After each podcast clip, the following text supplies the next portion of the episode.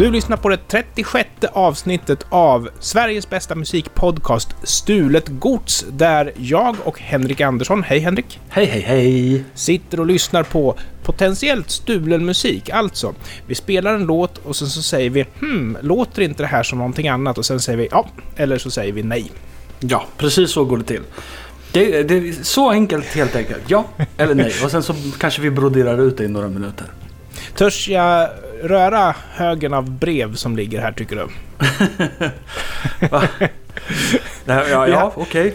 Ja, Vi hade ju ABBA-tema för ett par veckor sedan och Mhm. eh, Ronny Hellström påpekar att vi under det programmet spelade Unit 4 plus 2. Mm. Och det var faktiskt så här att Russ Ballard är den ene av Plus 2 och han skriver åt bland annat Agneta och Anne-Frid. Och alltså inte minst då den här I know there's something going on Ja, kommer från det. han. Så vi hade alltså mer ABBA-tema än vad vi ens liksom visste om på det programmet. Men han var inte inblandad i låtstölden per se. Utan det var, han kanske bara övade då. Nu övar jag mig på ABBA. Ja, vi hade ju någon låtstöld som innefattade dem. Jag menade på att de var utsatta för en låtstöld och sen så hade jag någon annan låt som jag spelade där.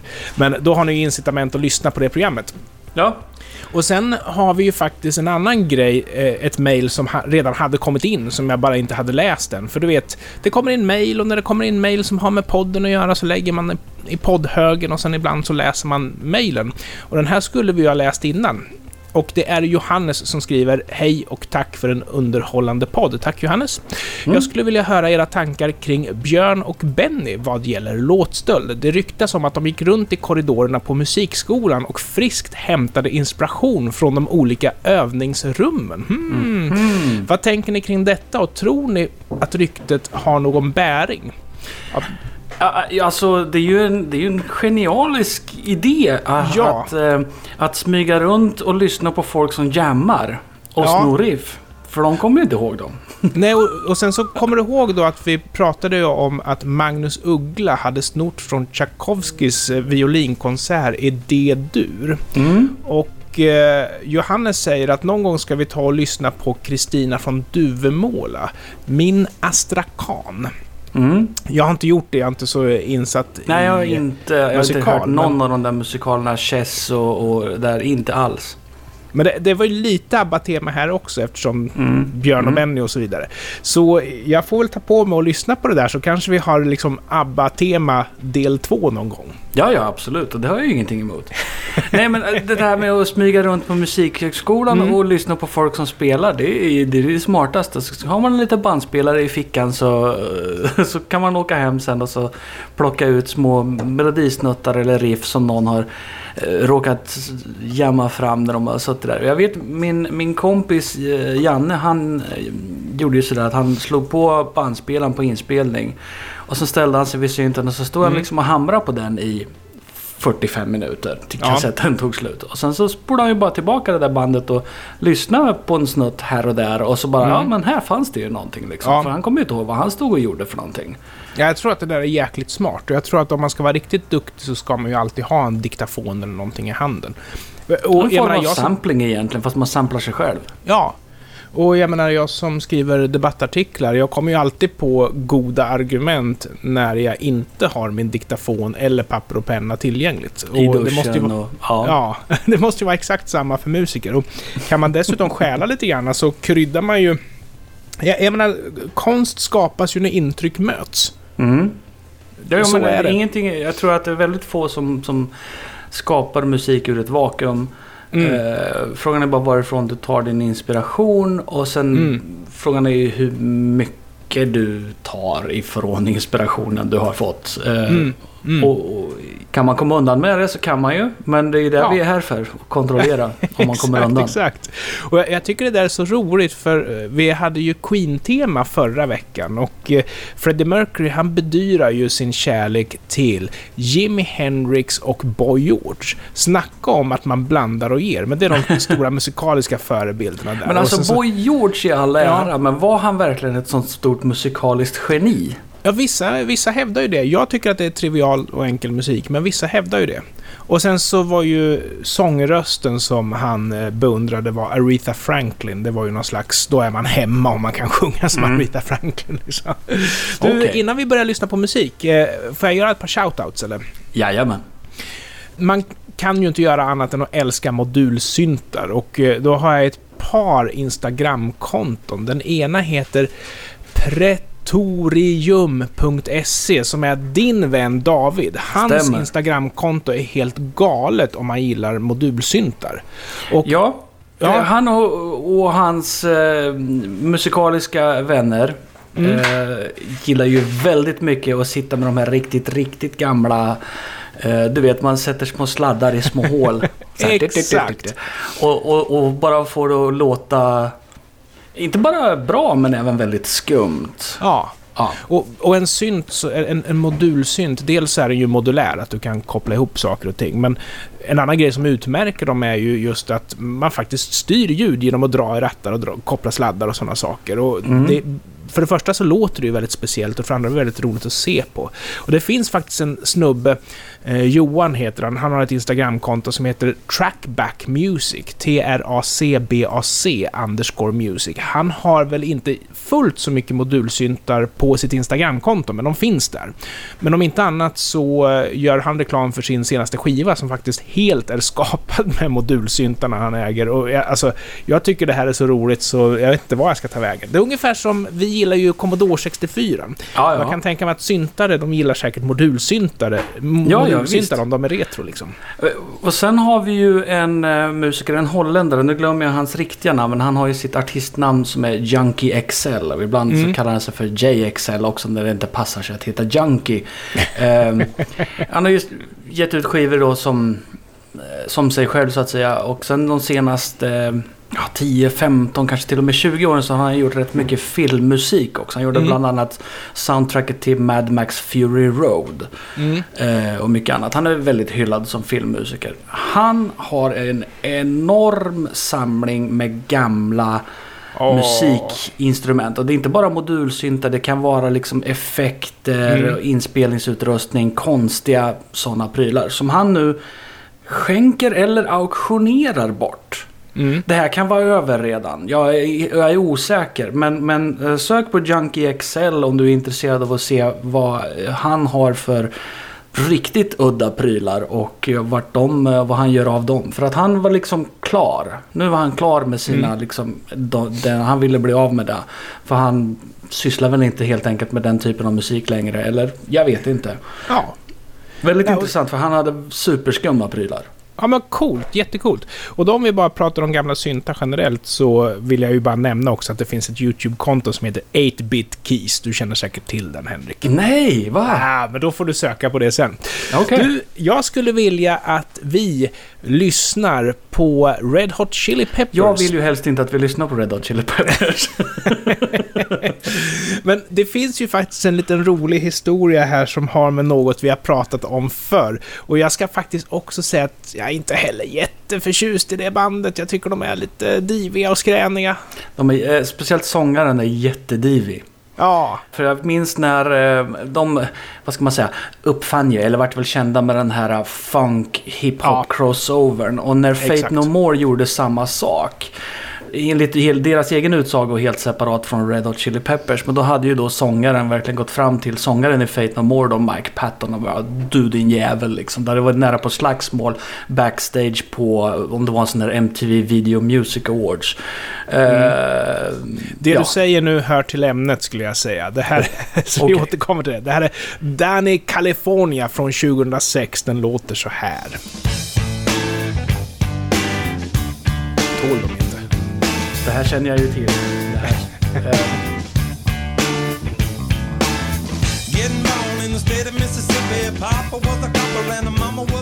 Ja. Ja. Och eh, det ligger väl nära till hands att vi direkt river av från år 1993. Tom Petty med Mary Janes Last Dance.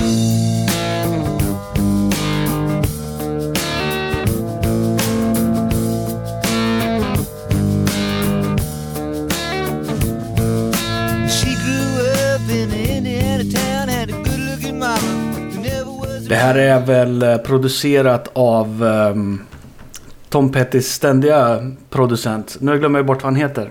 Jeff Lynne. Jag törs inte uttala mig om det är Jeff Lynne eller inte. Men eh, jag hittade faktiskt en intervju med Tom Petty där han säger att eh, han tar likheterna med ro. Och han resonerar väl så som vi pratade i början, att konst uppstår väl inte i ett vakuum. Nej, och, och, eh, sen är det ju det här. Vi antagit att vi tog upp det ganska tidigt. Den här uh, sångstölden eh, med Tom Petty och Sam Smith. Yes. Och där var det ju då Tom Pettys producent, låtskrivare Jeff Lynne som var den drivande i att, Mm. att eh, försöka sätta dit Sam Smith för det här. För Tom Petty själv har ju sagt i intervjuer flera gånger att, som du säger, I don't really care. Utan det här Mm. bara, ja, så, är, så blir det. Ibland. Mm. Och det, det bryr jag mig inte om.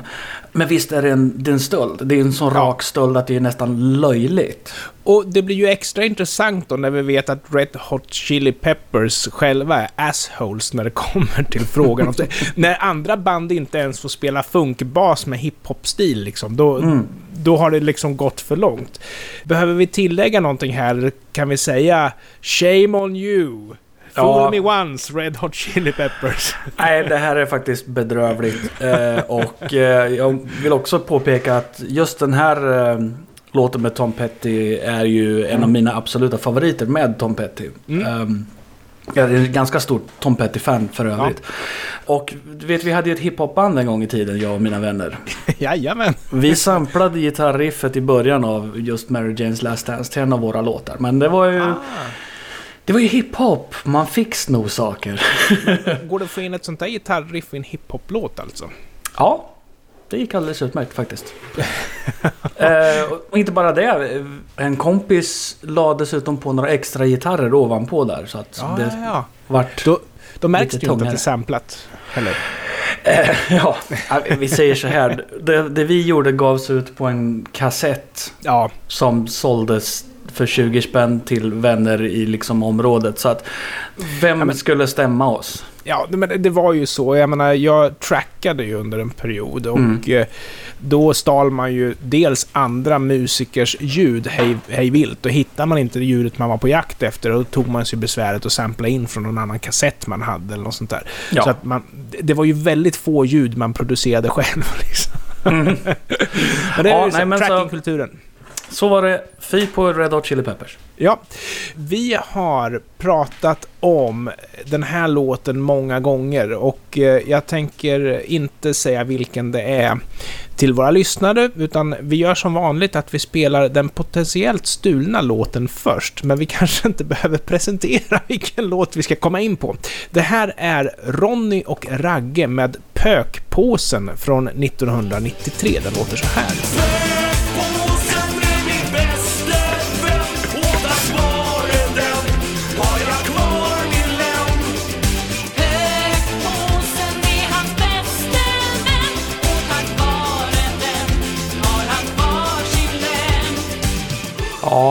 Jag vet ju att... ehm, eh, nej, vad heter han nu då? Från Style. Christer Sandelin skrev ju Rara söta Anna till, Mm. till Ronny och Ragge. Men sen tror inte jag att han var inblandad i så mycket annat av deras musik. Men det här låter lite Christer Sandelin också. Du, vi tar Anke Bagger, Where Were You Last Night 1989. Den låter så här.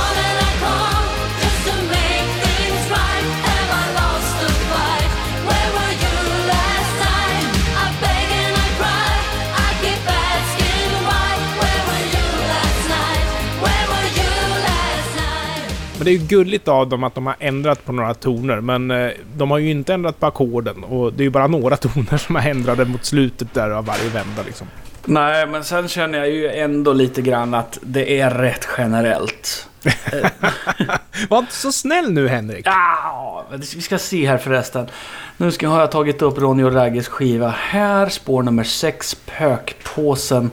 Jajamän, Christer Sandelin. Nej, Christer Sandelin. Jajamän. Ja, Men vem skrev Anki Baggers låt? det var ju Håkansson och Bard och gänget. Det var de, okej. Ja. Alltså Ronny och Ragge, vad, vad ska man säga? Ja, men Christer Sandelin är ju en riktig musiker. Jag kan ju tycka att eh, Ronny och Ragge borde haft... eh, Borde ha reagerat, men... eh, Du vet, de är väl glada för att få en bra låt? Potentiell Ja, hit. ja, visst absolut. Jag menar Ronny och Ragge var ju- de låg ju på listan. De Ja, visst. hade ju en listhit åtminstone med den där äh, rara söta Anna vad den Ja, heter. precis. Det är ju den som är deras eh, claim to fame liksom. Ja, men eh, sen, de hade ju flera andra låtar. Köra fort som fan och Mm. vad det nu var för grejer. Så, så att jag tror att det var ju ändå så att det var ett högprofilprojekt. Åtminstone första Ronny och Ragge skivan. Sen så vet Ja. jag väl inte riktigt hur det gick för dem. Så att... Ja, jag är tveksam. Det är rätt generellt men samtidigt så... eh, vi säger så här, de andra stölderna som vi har länkat till Where Were You Last Night. De har ju varit mer läskiga än det här. Jag håller inte med. Jag tycker det Nej. här är en av de värsta exemplen.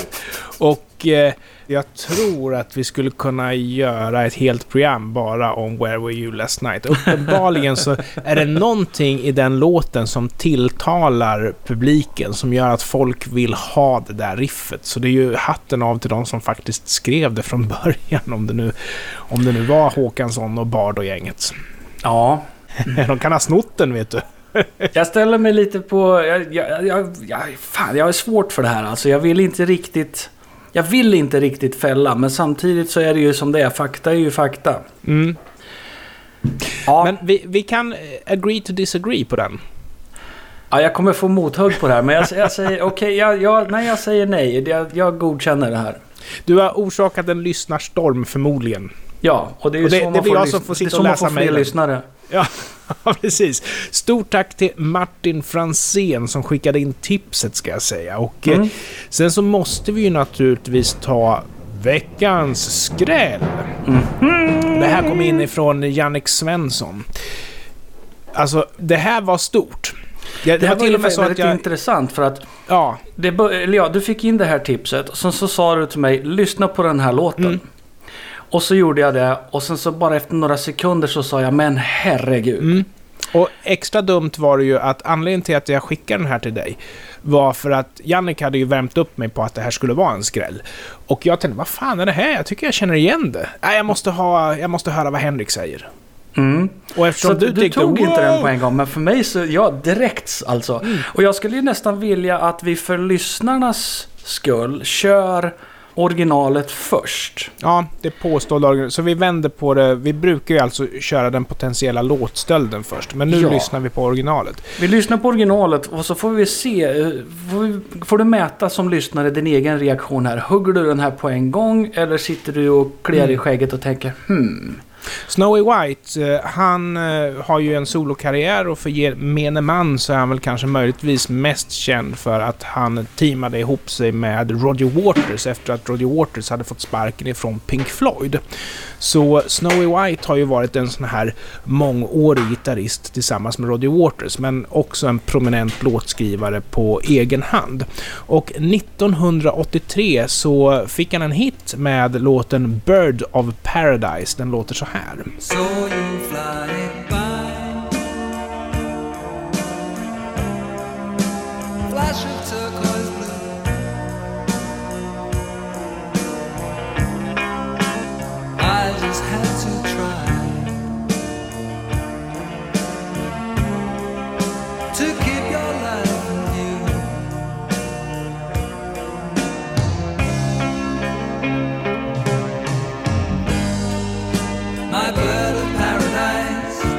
Tänk efter nu kära lyssnare. Vad hör ni när ni hör det här? Ja, det är ehm, en liten melodi i bakgrunden där som är det stora boven Ja. i dramat här. Och det här är ju alltså nästan lika kränkande som om det skulle visa sig att Queen faktiskt har snott en låt, vilket jag bestämt hävdar att de inte har gjort. Men det här är nästan lika stort därför att Dire Straits, det är ju, alltså de har ju att de är skickliga och noggranna musiker och eh, liksom solida låtskrivare, det har ju varit deras grej. De har ju aldrig varit de här hej vi ska klättra på listpop-listorna utan de har ju varit vi gör ordentlig bluesrock liksom har ju varit deras grej. Ja, och eh, vi pratar ju förstås om 1985 med den enorma singeln Brothers in Arms. Vi kör den. through these fields of destruction. Baptisms of fire. I've witnessed your suffering as the battle reached high. Och De här åren var ju Dire Straits som allra, allra störst.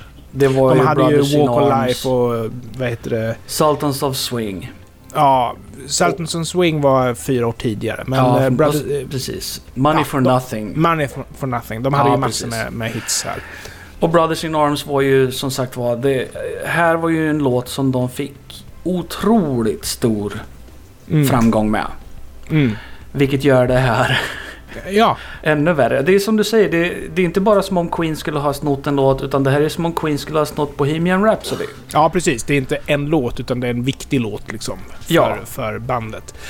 Jag är ju genuint besvärad av det här eftersom Dire Straits är ju en utav mina liksom ungdomshjältar och sådär.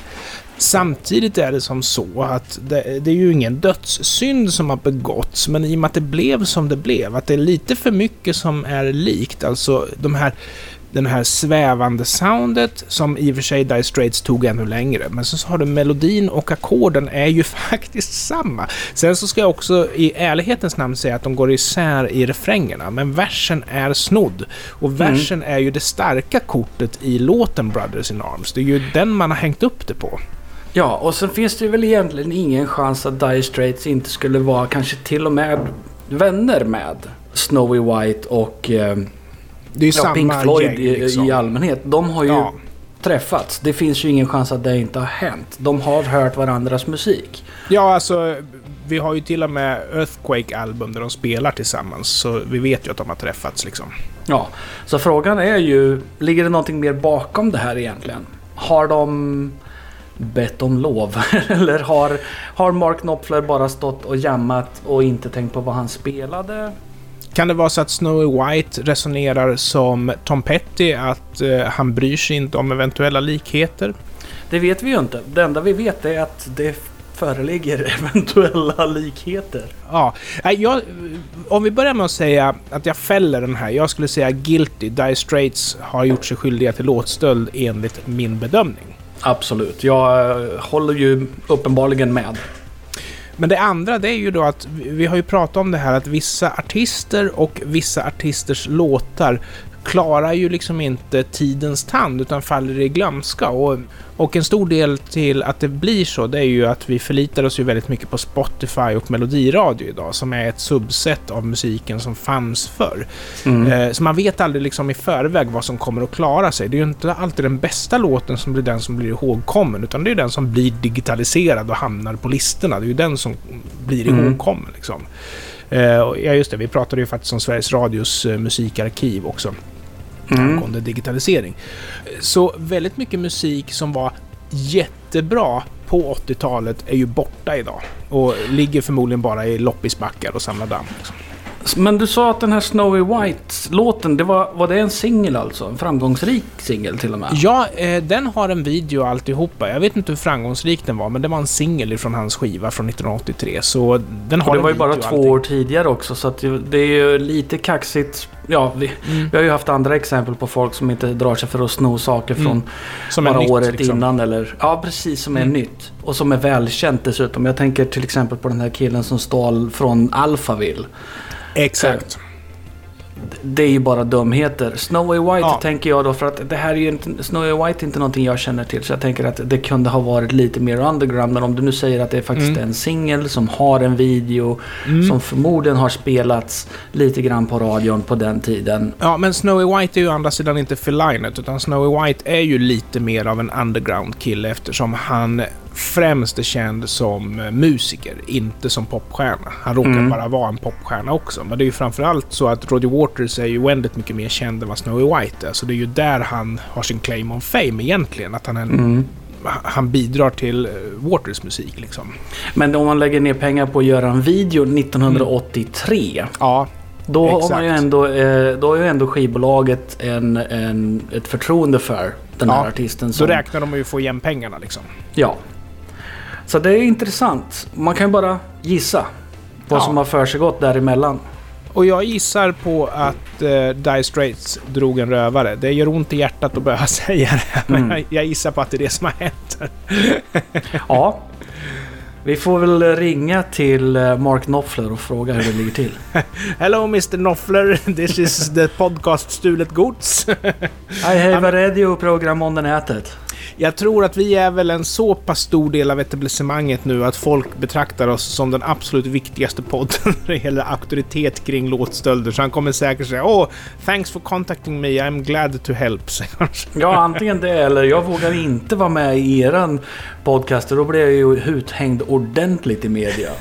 Ni har ett sånt stort genomslag att här kan jag inte vara med. Ja, vad härligt. Eh, Jag vill tacka alla som har hört av sig och eh, en stor del utav innehållet i programmet kommer från våra lyssnare. Det sticker jag Mm. definitivt inte under stolen med.